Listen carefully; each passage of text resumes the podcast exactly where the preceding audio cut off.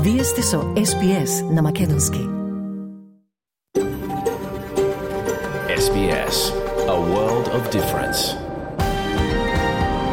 You're with SBS Macedonian on mobile, online, and on radio.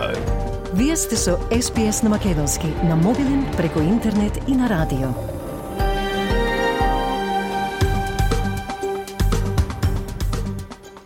SPS им одава признание на традиционалните собственици на земјата од која ја емитуваме програмата. Народот Варанджери Вој Варанг на нацијата Кулен, минати и сегашни. Добар ден. Низ програмата на 31-виот и последен ден во октомври ќе ве води Маргарита Василева. Секен празник Халоуин доколку го одбележувате. Повестите ќе го чуете редовниот извештај од Македонија. На пресконференција вчера председателката на Европската комисија Урсула фон дер Лајен рече дека Македонија е суверена држава и дека политичките чинители имаат одговорност за европската иднина на земјата. Таа на земјите кандидатки им упати порека дека процесот се заснова на заслуги, дека не е толку строг, дека никој не треба да чека одреден датум и дека колку е подобар процесот на реформи, толку побрзо ќе дојде можноста на пристапување.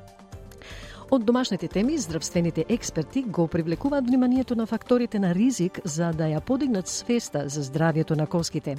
Ке ви известиме за болест поврзана со коските која им нанесува значителна штета на австралиците без да бидат свесни за тоа. А подоцна во програмата Васе Коцев го продолжува разговорот со познатиот кантавтор, академски образован музичар кој свиди на неколку инструменти, уметник и естрадна звезда кој скоро 20 години е присутен на македонската музичка сцена, Јордан Митев. Но најпрвен ќе ги чуеме вестите на СПС, што денеска ги подготви Радица Бојковска Димитровска. Повели Радица. Благодарам Маргарита, добар ден и од мене. Во денешниот билтен, Израел не прифаќа примирје и прекин на огнот во Газа. Израелскиот премиер Бенџамин Нетањаху вели дека воените операции во појасот поставиле основа за ослободување на заложниците кои ги држи Хамас. Истакнатиот лабористички министер Бил Шултен вели дека заедничката изјава на шест мина поранешни премиери за војната во Газа во голема мера ги одразува позициите на владата. Председателката на Европската комисија Урсула фон дер Лајен на пресконференција во Скопје изјави дека се надева на согласност на широко парламентарно мнозинство за измени во Уставот. И во фудбалот поранешниот председател на Шпанската федерација Луис Рубијалес доби тригодишна суспензија од ФИФА. Останете со нас. Израелскиот премиер Бенјамин Нетањаху ја отврли можноста за примирие во воените операции во Газа. Тој изјави дека копнената кампања во појасот создала потенцијал за ослободување на повеќе од 200 заложници кои ги држи милитантната група Хамас. Израел соопшти дека неговите сили ослободиле припадничка на израелските одбранбени сили која беше во заложништво на Хамас за време на копнената операција во појасот Газа. Нетанјаху вели дека Израел не е подготвен да се согласи на прекин на огнот со Хамас и направи споредба на нападите на Хамас врз Израел на 7 октомври со нападите на 11. Just as the United States would not agree to a ceasefire after the bombing of Pearl Harbor or after the terrorist attack of 9 11, Israel will not agree to a cessation of hostilities with Hamas after the horrific attacks of October 7th. Calls for a ceasefire are calls for Israel to surrender to Hamas, to surrender to terrorism, to surrender to barbarism. That will not happen. Големата израелска копнена офанзива во палестинската енклава потикна повеќе меѓународни апели за заштита на цивилите во појасот Газа, каде на палестинците, каде палестинците имаат очајна потреба од гориво, храна и чиста вода, додека војната влегува во четврта недела. Според Министерството за здравство во Газа, бројот на загинатите во војната меѓу Израел и Хамас надмина 8300 лица. Повеќе од 1400 луѓе во Израел, повеќето цивили, ги загубија животите во првичниот напад од страна на Хамас на 7 октомври, а 240 заложници беа однесени од Израел во Газа од страна на воената група. Сојузен министер вели дека одлуката на лабористичката влада да се воздржи од резолуцијата на Обединетите нации за хуманитарно примирје во Газа била необходна за незините напори да им помогне на австралиците во регионот. Помошникот министер за одбрана Мет Тиселтвейт ја бранеше одлуката да се воздржи од резолуцијата на Генералното собрание, која беше усвоена со мнозинство од 120 земји, бидејќи во неја не беше наведен Хамас како извршител на нападите во Израел на 7 октомври. Владата на Албанезе се најде на удар на опозицијата која вели дека требало да гласа против во знак на солидарност со Израел и од зелените кои ја обвинија владата дека го поддржува израелското бомбардирање на Газа. Господин Тиселтвейт за ABC изјави дека иако владата не можела да гласа за, гласањето против би ги компромитирало напорите за помош на австралиците заробени во Газа. It also makes it a lot harder when the Australian government is trying to work uh, in the context of getting the 88 Australians that are still trapped in Gaza that do want to leave, uh, it makes it harder if you're going to the UN and voting against a resolution that actually supports something like that. Министерот Бил Шутен вели дека заедничко соопштение подпишано од шестмина поранешни австралиски премиери за војната во Газа во суштина ја одразува позицијата на сојузната влада. Џон Хауард, Кевин Рад, Джулија Гилард, Тони Абот, Малком Тумбл и Скот Морисон објавија заедничко соопштение во кое ги повикуваат австралиците да останат обединети во однос на конфликтите во странство. Во сообштението се осудува австралиската палестинска мрежа за састапување, која вели дека поранешните премиери дозволиле да бидат искористени како алатки за минимизирање на грубото кршење на меѓународното право од страна на Израел.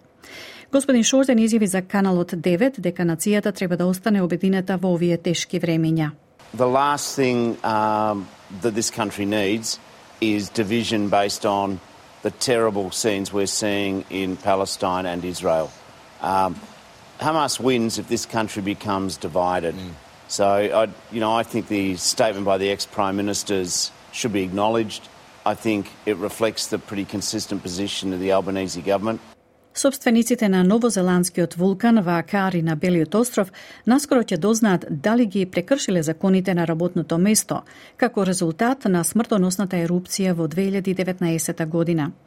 Пред речиси 4 години 22 лица загинаа при посета на вулканот, а други 27 беа повредени од жешките температури и вулканската пепел.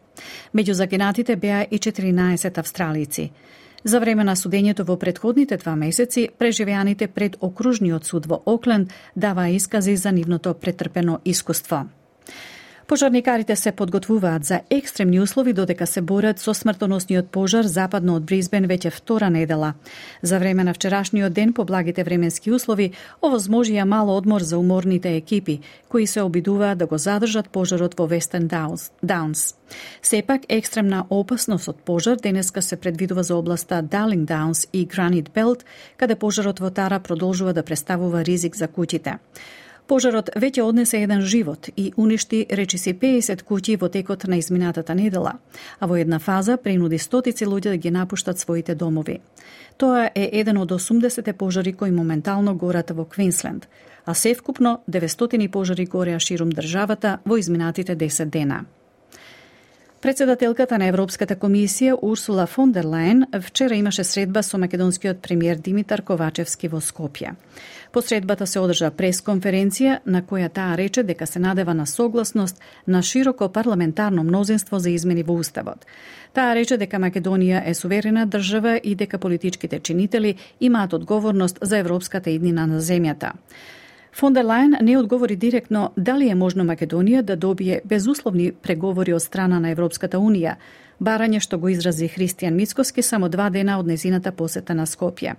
За тоа дали комисијата веќе го разгледува француско-германскиот предлог и дали Унијата ќе успее да се реформира до 2030 година за да ги отвори европските врати, шефицата на Европската комисија исто така не даде конкретен одговор.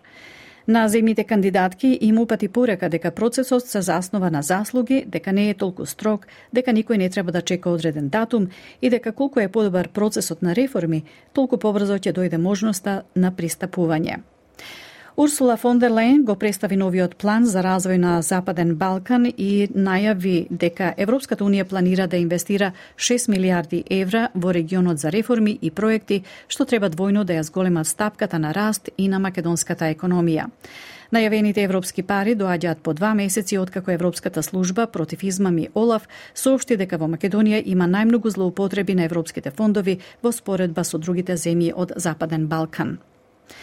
Во Колорадо започна судење за да се утврди дали на поранешниот председател на Соединетите Американски држави Доналд Трамп треба да му се дозволи да учествува на престојните избори во САД, додека тој се соочува со обвиненија за неговата улога во смртоносните немири во јануари 2021 година во зградата на Конгресот на САД. Господин Трамп негираше каква било погрешна вмешаност во нападите што беа извршени од толпа негови подржувачи кои се обидоа да го спречат Конгресот да ја потврди победата на Џо Бајден на изборите во ноември 2020 година. Адвокатот на Трамп, Скот Геслер, вели, вели дека извештајот е многу едностран политички документ со одбрани информации и со однапред одреден заклучок. The January 6 report made 411 findings, and petitioners have asked to introduce 408 of them, many of which this court has allowed conditionally and allowed argument against. But this report is poison, and I mean poison very bluntly. It is a one sided political document of cherry picked information, no adversarial process, with a preordained conclusion. Противниците на Трамп се надеваат дека ќе му гоускратат патот до победата со тоа што ќе го дисквалификуваат во доволно држави каде што има жестока битка, но многу правни експерти велат дека стратегијата веројатно нема да успее. Кралот Чарлс III се соочува со повици за решавање на наследството на британското колонијално владење, како и поплаки дека странци се уште поседуваат големи делови од богато обработливо, обработливо земјиште и дека Обединетото кралство не ја прифатило одговорноста за злосторствата на британските војници стационирани во Кенија. Монархот треба да пристигне во африканската држава заедно со неговата сопруга Камила на почетокот на неговата турнеја во државите во Африка.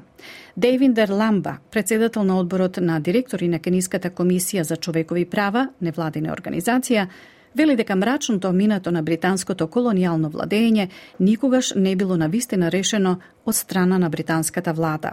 Ламба вели дека народот на Кенија бара официјално извинување. We would like him now to come back and saying, well, I've got much more deeper understanding than I expected, and we are demanding an apology. Kenyan people. Поранешниот председател на Шпанската фудбалска федерација Луис Рубијалес, кој се соочува со обвиненија за сексуален напад во Шпанија, е казнет од ФИФА со три години суспензија од сите активности поврзани со фудбалот. Водечкото тело на светскиот фудбал првично го суспендираше Рубијалес на три месеци по наводниот неконсензуален бакнеш што и го даде на шпанската фудбалерка Джени Хермосо по финалето на светскиот куп за жени. Рубиалес вели дека ќе го искористи своето право на жалба, обвинувајќи ја ФИФА дека не му дава шанса да се брани. Тој останува под истрага на Високиот суд на Шпанија за наводен сексуален напад и принуда по кривичната пријава од страна на господица Хермоса а девет лица се уапсени во Франција за потикнување насилни сцени на надпреварот од Лигата 1 меѓу Олимпик Марсеј и Олимпик Лион кој беше прекинат во неделата на 29 октомври, откако автобус со посетителите беше гаден со камења и петарди, при што беше повреден тренерот на Лион Фабио Гросо. Гросо, победник на светскиот куп со Италија во 2006 година, се здоби со повреди на лицето за време на инцидентот, што беше осуден од клубот во објава на X, порано познат како Твитер, оставајќи ги официјалните лица на лигата да се справат со друг случај на нереди од страна на навивачи. Бидејќи инцидентите во неделата се случија пред стадионот Велодром во Марсеј, организаторите на Француската лига немаат јурисдикција да наметнуваат одземање бодови, иако може да се донесе одлука дека надпреварот треба да да се игра за затворени врати. Министерот за внатрешни работи Джералд Дарманин изјави дека досега се приведени 9 лица. Some people threw beer bottles, that's what happened, on the windows of a bus. Do you think that's the responsibility of the police or the Interior Ministry? No, it's the responsibility of those who threw the beer bottles on the bus. It's the responsibility of individual people. Let's stop being violent in football. Од најновата курсна листа денеска еден австралиски долар се менува за 0,59 евра, 0,63 американски долари и 36,59 македонски денари, додека еден американски долар се менува за 57,77 македонски денари, а едно евро за 61,03 македонски денари. Еве ја и временската прогноза за главните градови за утре. Перт сончево максимално 30 степени, Аделаид претежно сончево максимално 23, Мелбурн облачно 17, делумно облачно за Хобарт 21, идентично и за Камбера делумно облачно 21, како и за Сиднеј, исто така делумно облачно 21, делумно облачно и за Бризбен максимално 27, претежно сончево за Дарвин 35 и Алис Спрингс претежно сончево максимално 37 степени.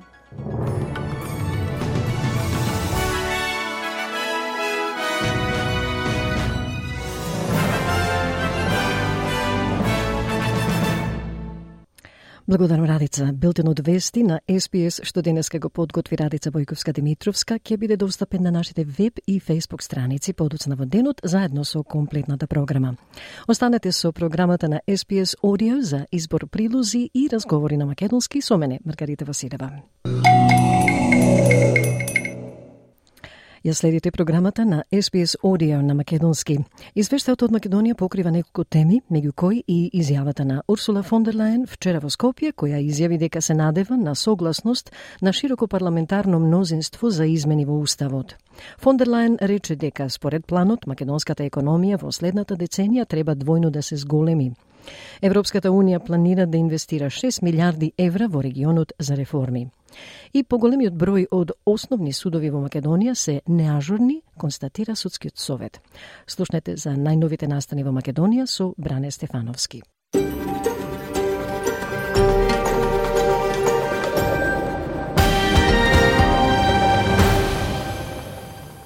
Председателката на Европската комисија Урсула фон дер Лајен вчера имаше средба со македонскиот премиер Димитар Ковачевски во Скопје. По средбата се одржа пресконференција на која таа рече дека се надева на согласност на широко парламентарно мнозинство за измени во Уставот. Таа рече дека Македонија е суверена држава и дека политичките чинители имаат одговорност за европската иднина на земјата. Фон дер Лајен не одговори директно дали е можно Македонија да добие безусловни преговори од страна на ЕУ, барање што го изрази Христијан Мицкоски само два дена пред неизината посета на Скопје, а на прашањето зошто нема средба со лидерот на опозицијата, фон дер Лајен одговори. Каде и да сум, обично се среќавам со шефот на државата и на владата, зависно од уставниот поредок. Ова е случај со моето патување на Западен Балкан, но тоа е случај со сите мои други посети и патувања. Затоа дали комисијата веќе го разгледува француско-германскиот предлог и дали Унијата ќе успее да се реформира до 2030 година за да ги отвори европските врати, шефицата на Европската комисија не даде конкретен одговор. На земјите кандидатки им упати порака дека процесот се заснова на заслуги, дека не е толку строг, дека никој не треба да чека одреден датум и дека колку е подобар процесот на реформи, толку побрзо ќе дојде можноста за пристапување. Премиерот Ковачевски повика лошите искуства од историјата да не се повторат. Со вакви работи не се калкулира, со вакви работи не се прави личен политички рейтинг, со вакви работи не сме да се игра со емоциите на граѓаните, бидејќи тоа ќе значи единствено повторување на оној лош филм кој што го гледавме 11 години во државата, кога имавме уназадување на меѓуетничките односи во Северна Македонија, во тоа време во Македонија, во која што имавме уназадување на односите со соседите. Урсула фон дер Лајен во својот говор неколку пати спомна дека сега е вистинскиот момент, а прозорецот на можности е отворен. Таа го представи новиот план за развој на Западниот Балкан и најави дека Европската Унија планира да инвестира 6 милиарди евра во регионот за реформи и проекти што треба двојно да ја зголемат стапката на раст и на македонската економија. Првично се планирани 100 милиони евра како макроекономска помош од Унијата, но председателката на Европската комисија побара од надлежните да ја подобрат ефикасноста на јавната администрација, да се воспостават здрави јавни финансии и подобра бизнис клима. Клучно според фон дер Лајен е да се работи на реформите на независност на судството и борбата со корупцијата. Ние доаѓаме со инвестиции. Предложивме пакет од 6 милиарди евра за нашите партнери од Западен Балкан и тука се работи всушност за реформи и за инвестиции. Најавените европски пари доаѓаат по два месеца откако Европската служба против измами ОЛАФ соопшти дека во Македонија има најмногу злоупотреби на европските фондови во споредба со земјите од Западниот Балкан. Колку пари ќе влезат во Македонија од најавените 6 милиарди евра ќе зависи од проектите и капацитетите на институциите, сметаат експертите. Од 2017 до 2022 година Европската служба ОЛАФ отвори 36 истраги за злоупотреба на европските фондови во државите од регионот. Податоците велат дека дури 18 истраги се водат за проневера на европските пари во земјава. Европската служба за ревизија на фондовите само лани за Македонија отвори 4 нови случаи под сомневање дека тие пари се злоупотребени. Тоа биле фондови за проекти на централно и на локално ниво. Ако Европската Унија утврди дека биле злоупотребени, државата ќе мора да ги врати сите украдени пари. Судскиот совет вчера ги усвои извештаите за работата на судовите за второто три месечие од оваа година, според кои поголемиот број основни судови во државава се неажурни, меѓу кои и апелациониот суд Скопје, основниот граѓански суд Скопје, основните судови во Велес, Крива Паланка, Куманово, Неготино и Тетово, како и апелациониот суд во Гостивар. Правниците велат дека неажурноста на судовите не значи неажурност на судиите, туку дека се потребни материјални и финансиски средства, а некаде се потребни и интервенции во кадровскиот состав, за да може да се подобри состојбата во судовите. Адвокатот Валентин Зафиров за ТВ Сител вели дека решението на проблемот го гледа во отворање на Уставот, со што би се зголемила одговорноста и би се подобрила поставеноста на праведноста на судскиот совет. 30 години наназад, очигледно тонеме во правосудството, значи немаме никакво помислување на, на, на огромно уназадување и тоа е само поради непостоењето на никаква одговорност, односно на а, желбата, војната оставено без никаква одговорност на членовите на судскиот совет да прават што сакаат како што сакаат. Работењето на судовите често е пречка на патот на Македонија кон ЕУ. Во неодамнешното истражување на Евротинг, 54% од испитаниците одговориле дека судството и правдата се екстремно важни за пристапниот процес и за самите преговори за влез во Европската Унија. Холандскиот амбасадор Дирк Јан Коп пред неколку дена упати силни критики за состојбата во македонското правосудство. Тој пред само пет месеци подсети дека единствената причина поради која Холандија се согласила со одлуката за почеток на пристапни преговори на Македонија со ЕУ била токму гаранцијата дека ќе се процесуираат предметите на поранешното САЈАО. Затворениците од затворот Идризово денеска ќе почнат да штрајкуваат со глад. Тие со писмо од управата на затворот бараат средба со Народниот правобранител и со Хелсиншкиот комитет. Во писмото се вели дека ќе штрајкуваат поради тоа што на тешко повредените осуденици не им се укажува лекарска заштита, иако имаат тешки телесни повреди по полициската акција што беше спроведена во саботата во затворот, во која беа повредени десетмина полицајци и за сега непознат број затвореници. Народниот правобранител Насер Зибери пак за ТВ Сител вели дека тимови од неговата институција се во затворот и подготвуваат извештај за инцидентот. Ако осудениците денеска почнат штрајк со глад, управата на затворот е должна секој ден да ја следи нивната здравствена состојба вели Зибери. Прво од медицинскиот персонал кој е во самата установа, доколку тој не е соодветен и стручно и опремен, тогаш се бара помош од здравствената установа најблиска до подрачјето каде што се наоѓа затворот, во случајот затворот Идризова. Народниот правобранител подолг период предупредува на нехуманите услови во македонските затвори. Зибери вели дека тоа е главната причина за криумчарењето недозволени субстанции и предмети внатре, што доведува до инциденти прво меѓу затворениците, а потоа и со надлежните служби. Официјалната верзија на МВР е дека затворениците ги нападнале полицајците откако дознале дека ќе вршат претрез во келиите.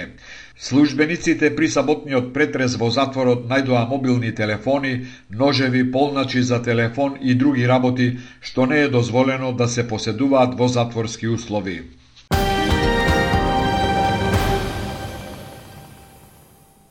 Извештајот за настаните во Македонија за 31. октомври го подготви Бране Стефановски, нашиот редовен известувач. Доколку сакате да слушате и други прилози, посетете нашата Facebook страница SPS Macedonian или нашата веб страница sps.com.au косацрта Macedonian.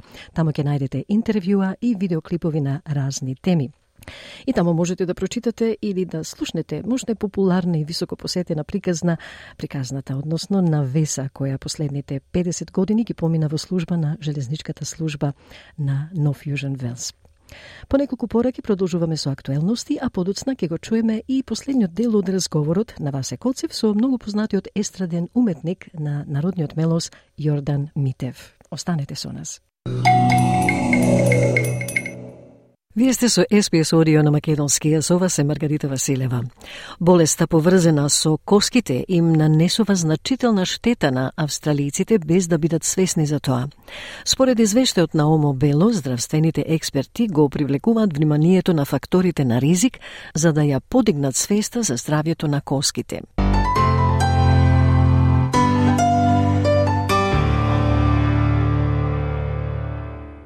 Коските може да ви се влошат без ваше знаење. И секоја болка што може да ја почувствувате во вашите коски може да биде повеќе од обична фрактура. Тоа всушност може да биде состојба позната како остеопороза. Тоа е безболна болест која води до намалена јачина на коските и зголемен ризик од фрактура – Специјалистот ендокринолог доктор Чен Уейвен од болницата Сен Винсенс во Сиднеј вели дека состојбата може да биде доста сериозна. Остеопорозата во основа вели таа е сочинета од два дела. Првиот дел се однесува на квалитетот на коската, а вториот на структурата на коските. Кога нема доволно коска и коскената маса не е толку густа, резултатот е зголемен ризик од факторите на ризик. Ендокринологот Чен Уейуен додава дека повеќето луѓе мислат дека фрактурите не се толку важни, но ризикот од лошото здравје на коските може сериозно да го наруши животот и мобилноста. Osteoporosis basically consists of two parts where um, where you have less bone and more importantly also your bone quality, your bone structure is not as strong. So um, together they result in increased risk of risk fractures. And I know that most people might think fractures are not that important, but if you can imagine just the risk for poor bone health, it can severely disrupt your life and mobility. Остеопорозата е честа појава кај постарите луѓе, а податоците покажуваат дека 66 од 100 австралиците на возраст од 50 и повеќе години живеат со лошо здравје на коските. Но не се само постарите луѓе кои се изложени на ваков ризик – Кимбели е 43 годишна мајка на две деца која се справува со остеопороза поврзана со бременоста. Проблемот кај неа започна на 31 годишна возраст, кога таа го роди второто дете. My journey started when I was 31. Um, I had just given birth to my second child, and within the immediate weeks following her birth, I started experiencing severe back pain. Um, so initially I just thought it was the result of, you know, having given birth and having a newborn and also a toddler. But as time went on, uh, the pain just got so bad that I couldn't function. Но како што одминуваше времето, болката стануваше толку силна што не можела да функционира и морала да оди на лекар. Незиниот фамилиарен лекар предложи дека тоа е болка во мускулите поради пороѓајот и грижата за двете деца. Кимбали вели дека била потребна средба со неколку медицински професионалци за да добие соодветна диагноза. По првата диагноза, истите симптоми и болки продолжија и Кимбали се обрати кај втор лекар, кој ја даде истата диагноза. As time went on, uh, the pain just got so bad that I couldn't function. So I ended up going to my GP, and he suggested that it was muscle pain um, due to the birth and looking after both of my kids. Um, and I sort of I sort of felt like that wasn't right, but at the time I was so exhausted, you know, lack of sleep and whatnot. So I just sort of went with it. Um, and then a week or two later, it hadn't gotten any better. So I went for a second opinion to a different GP and I had the same result, which was really disappointing. Кимбели трпела силни болки неколку недели пред да заврши во болница. Еден од консултантите, вели Кембели, забележа дека имала тешка кривина на рбетот, пошто уследи рентгенска слика, а потоа и диагнозата дека има остеопороза. One of the consultants actually noticed that I had a severe curve in my spine, and that's when they ordered x rays. Um, and looking at the x rays, that's when they discovered that I may have osteoporosis, as I had three crush fractures in my spine. So, um, once he said that, I actually smiled and he was like, Oh my gosh, I've never had anyone smile when I've given them this diagnosis. And it was just because of the relief that I felt because I knew deep down all along that there was something more going on than just muscle pain. Healthy Bones Australia е организација која се фокусира на намалување на скршените коски и подобрување на здравјето на коските. Ова тело објави извештај насловен Know Your Bones, во кој се зборува зборува за ризикот во заедницата со цел да се подигне свеста кај луѓето и ги охрабри да ги проверат нивните коски. Извештајот вклучува податоци од 104.000 австралици кои имаат преземено превентивна алатка за самооценување преку интернет за да им помогне на луѓето да го сватат потенцијалниот ризик на оваа состојба. Председавачот на Healthy Bones Australia, професорот Питер Иблинг, вели дека извештајот открива значително недоволно испитување и несоодветен третман кај оние кои се изложени на ризик. Професорот Ибелинг вели испитани се 104.000 австралици кои се обратија на веб страницата Know Your Bones, преку која открија дека повеќе од еден од двајца од тие пациенти немале тест за густината на коските откако имале скршеница.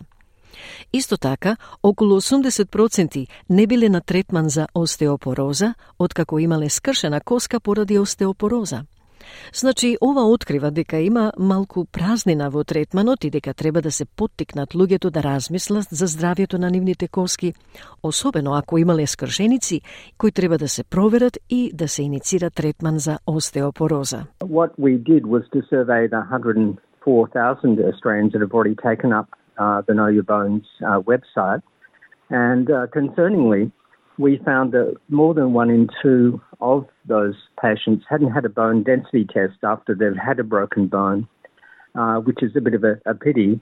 And also, um, about 80% weren't on treatment for osteoporosis after they'd actually had a broken bone due to osteoporosis. So this um, reveals that there is a bit of a, a gap in treatment and that we need to urge people to think about their bone health. And in particular, if they've had a broken bone, they really need to be investigated and initiated on treatment for osteoporosis. Извештајот Know Your Bones од 2023 година покажа дека 52% од испитаниците кои пријавиле скршена коска биле на возраст од помеѓу 50 и 69 години, а речиси 25% од оние над 70 години со ризик фактори за остеопороза не направиле тест за минерална густина на коските BMD. Иако извештајот од 2023 година открива дека половината од сите фрактури се случуваат кај возрастни постари од 50 години, 25% од фрактурите на коските се случиле под таа возраст. Кимбели, која доби скршеница на рбетот поради носењето на своето бебе, вели дека здравјето на коските е важно за луѓето од сите возрасти и сите фрактури треба да се сватат сериозно. People do associate osteoporosis and bone health with older people. So I think um, part of my journey is sharing my story so that it's raising um, awareness about bone health for everyone within the community and that, you know, you still need to look after your bones at a younger age as well. And obviously, not everyone's going to suffer like how I have. But if I can just sort of put out that message that bone health is really important, um, then it sort of helps me deal with the fact that I've gone through this journey Извештајот Know Your Bones ги повикува луѓето да внимаваат на факторите на животниот стил кои го поддржуваат здравјето на коските, вклучително и добивање на соодветни количини на калциум, витаминот Д, вежбање и намалување на употребата на алкохол и тутун. Двојната светска и олимписка шампионка, атлетичарката Сали Пиесен, имала две големи скршеници во животот и тоа ја мотивирало да се приклучи на кампањата за подигање на свеста. Таа ги повикува австралиците да внимаваат на нивното здравје на коските, велики дека премногу луѓе непотребно страдаат од скршеници кои би можеле да се спречат. Песен вели претрпела скршено стапало и тежок процес на закрепнување и во 2015 паднала на трка во Рим поради експлозија на коската на целиот зглоб. Пиесен вели, незината порака до заедницата е дека не е секогаш скршената коска што може да го наруши здравјето, туку и менталното закрепнување кое следи. Тоа, вели Пиесен, може да биде најтешкото да се поправи. Од прилогот на Омо Бело за SBS News.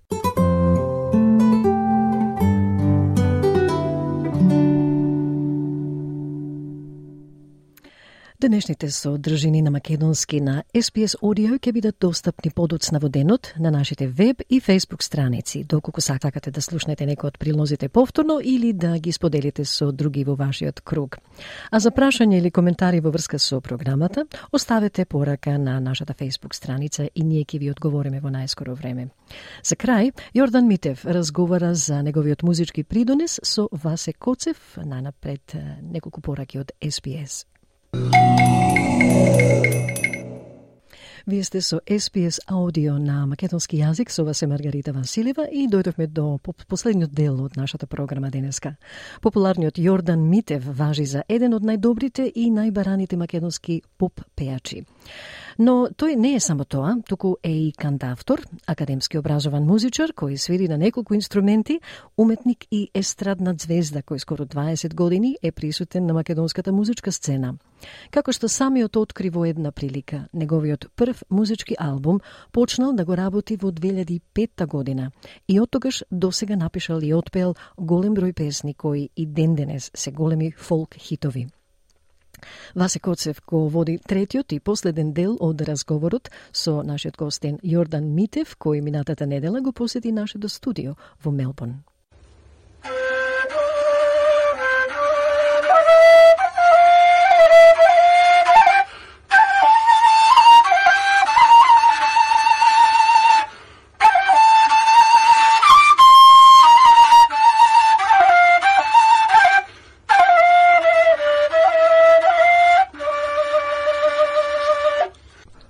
Бидејќи одамна не сум бил на концерт на некој пеач во Македонија, овде во Австралија поредко. Каква е разликата меѓу публиката во Македонија и публиката во Австралија? Има некоја разлика кога настапувате, кога одржувате концерт?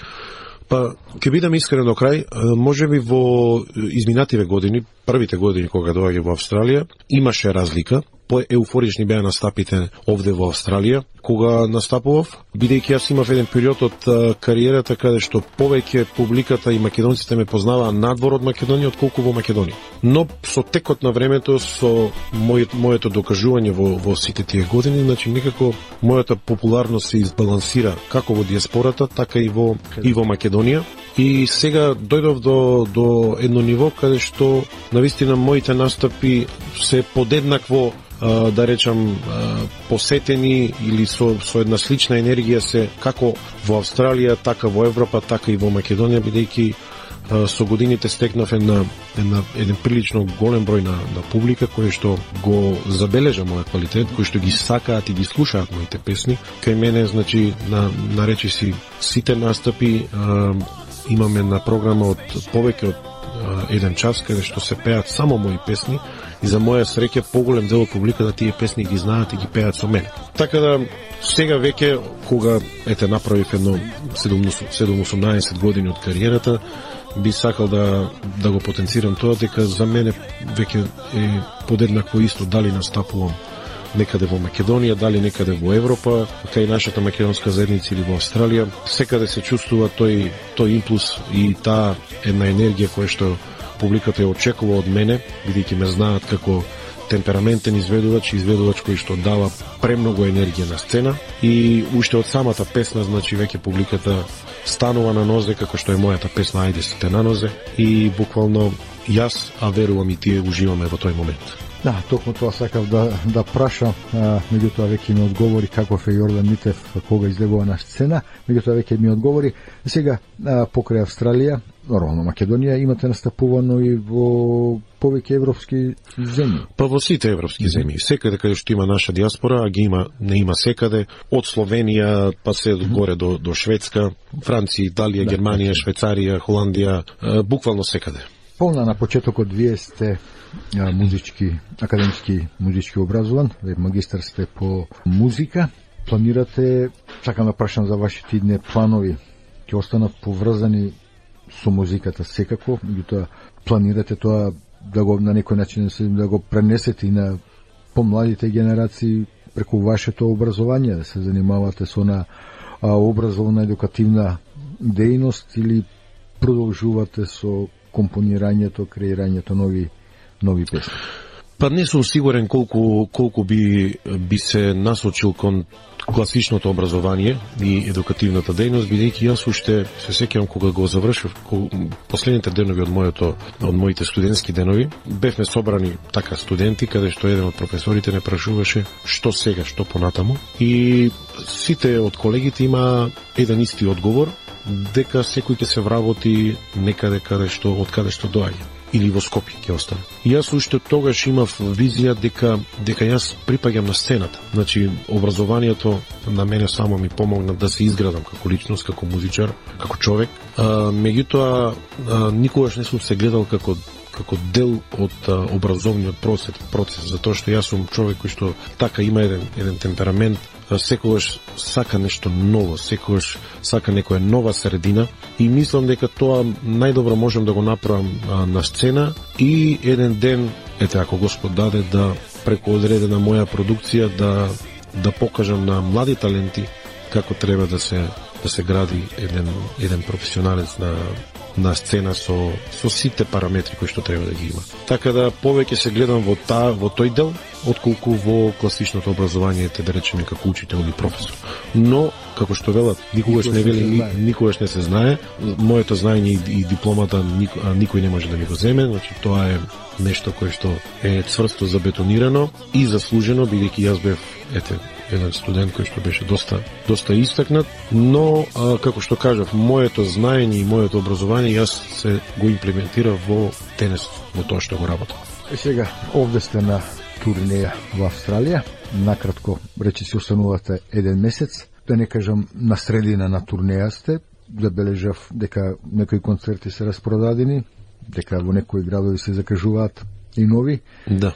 Колку сте задоволен како поминуваат овие концерти? Јас сум презадоволен. Презадоволен, навистина. Посебно сум презадоволен затоа што јас немам гостувано еднаш или два пати во Австралија, имам повеќе пати и тоа што после еве 9-10 пати, не знам колку се точно, повторно салите се полни, тоа навистина покажува за мене дека сепак публиката го почитува Јордан Митев. Нормално секогаш има и одредена опозиција која што кој што ќе ги негира одредени работи и одредени успеси, но штом се салите полни, значи тоа покажува дека сепак Јордан Митев е почитуван кај публиката, дека го имам заслужено моето место единствено со работа, со ништо друго и верувам дека така ќе остане и понатаму. И во оваа прилика јас би сакал да се заблагодарам на сите кои што се присутни кои што се дел од моите концерти и кои што ќе бидат присутни во иднина. Обично календарот на пејачите исполнет година или две однапред после оваа турнеја која е ваша следна турнеја? Имате веќе закажано или? Да, после оваа турнеја јас се враќам во Македонија. имам уште неколку настапи да ги дозавршам до крајот на годината и заклучно со 31 декември, значи ќе бидам во во Македонија за дочек на нова година. Веќе во 2024 агендата се полни и ќе имам гостување во Европа. Нормално следната година не би дошол во Австралија за за турнеја, ќе треба да помине Малку така, време малку време, минимум две години, така да јас продолжувам со работа. Добро, продолжувате со работа и Да. што може од Јордан Митев да очекуваме нешто ново во Инјена, ќе ни откриете дел од плановите или ќе го чувате како изненадување? Сигурно ќе има нови песни, а се останато зависи од многу работи, од многу случувања. Вие знаете, бидејќи сте дел од медиум, знаете Македонија во, во, во каква атмосфера функционира и сето тоа не може и мене да, да не, ме, не може да ме одмине. Така да ние живееме во едно непредвидливо време, не се знае кој што, како, каде, но а, ќе оставам на времето да покаже каде ќе се движам, како ќе се движам и што ќе се случува понатаму. Господине Митев, благодарам за ова ваше гостување во SBS радио, програмата на македонски јазик. Ни беше задоволство. Ве имаме како гостин за прв пат. Се надам дека во наредните гостувања ќе бидете повторно наш гостин и ви посакувам успешна турнеја и секако голем успех на музички план, исполнување на вашите музички па и животни планови. Ви благодарам, и беше чест што поразговаравме. Уште еднаш поздрав сите ваши слушатели, да сте здрави и живи. Еве може во за вашите слушатели да ги поздравам со еден мој познат рефрен кој што оди вака. Наздрави за љубов, наздрави за среќа, наздрави за секој ден. Животот е еден и тој не вреден ако не го живееш.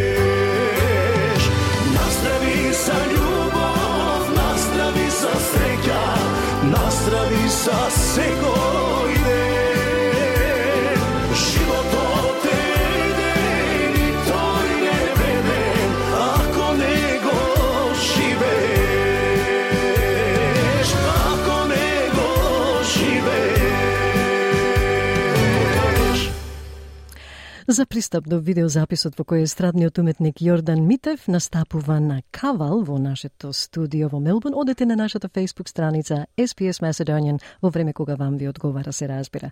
Тоа беше третиот и последен дел од разговорот на Васе Коцев со кантавторот, композитор и музичар Јордан Митев, кој, како што слушнавте во последната песна, порачува дека животот е еден и тој не е вреден ако не го живееш. Токму така. И при крајот, драги слушатели, да се подсетиме на главните вести на СПС. Израел не прифаќа примирие и прекин на огнот во Газа. Израелскиот премиер Бенјамин Нетањаху вели дека напорите на израелските одбрамбени сили во Газа поставиле основа за ослободување на заложниците кои ги држи Хамас. Истакнатиот лабористички министер Бил Шортен вели дека заедничката изјава на шесмината поранешни премиери за војната во Газа во голема мера ги одразува позициите на владата. Председателката на Европската комисија Урсула фон дер Лајен на пресконференција во Скопје изјави дека се надева на согласност на широко парламентарно мнозинство за измени во Уставот. И во фудбалот, поранешниот председател на Шпанската федерација Луис Рубиалес доби три годишна суспензија од ФИФА.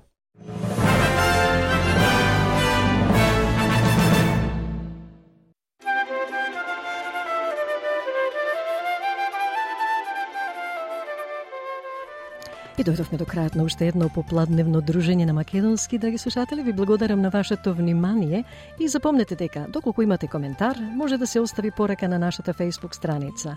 Ве очекуваме повторно утре на SPS Audio за следната емисија на македонски. А во меѓувреме, за избор прилози и разговори, посетете не на интернет.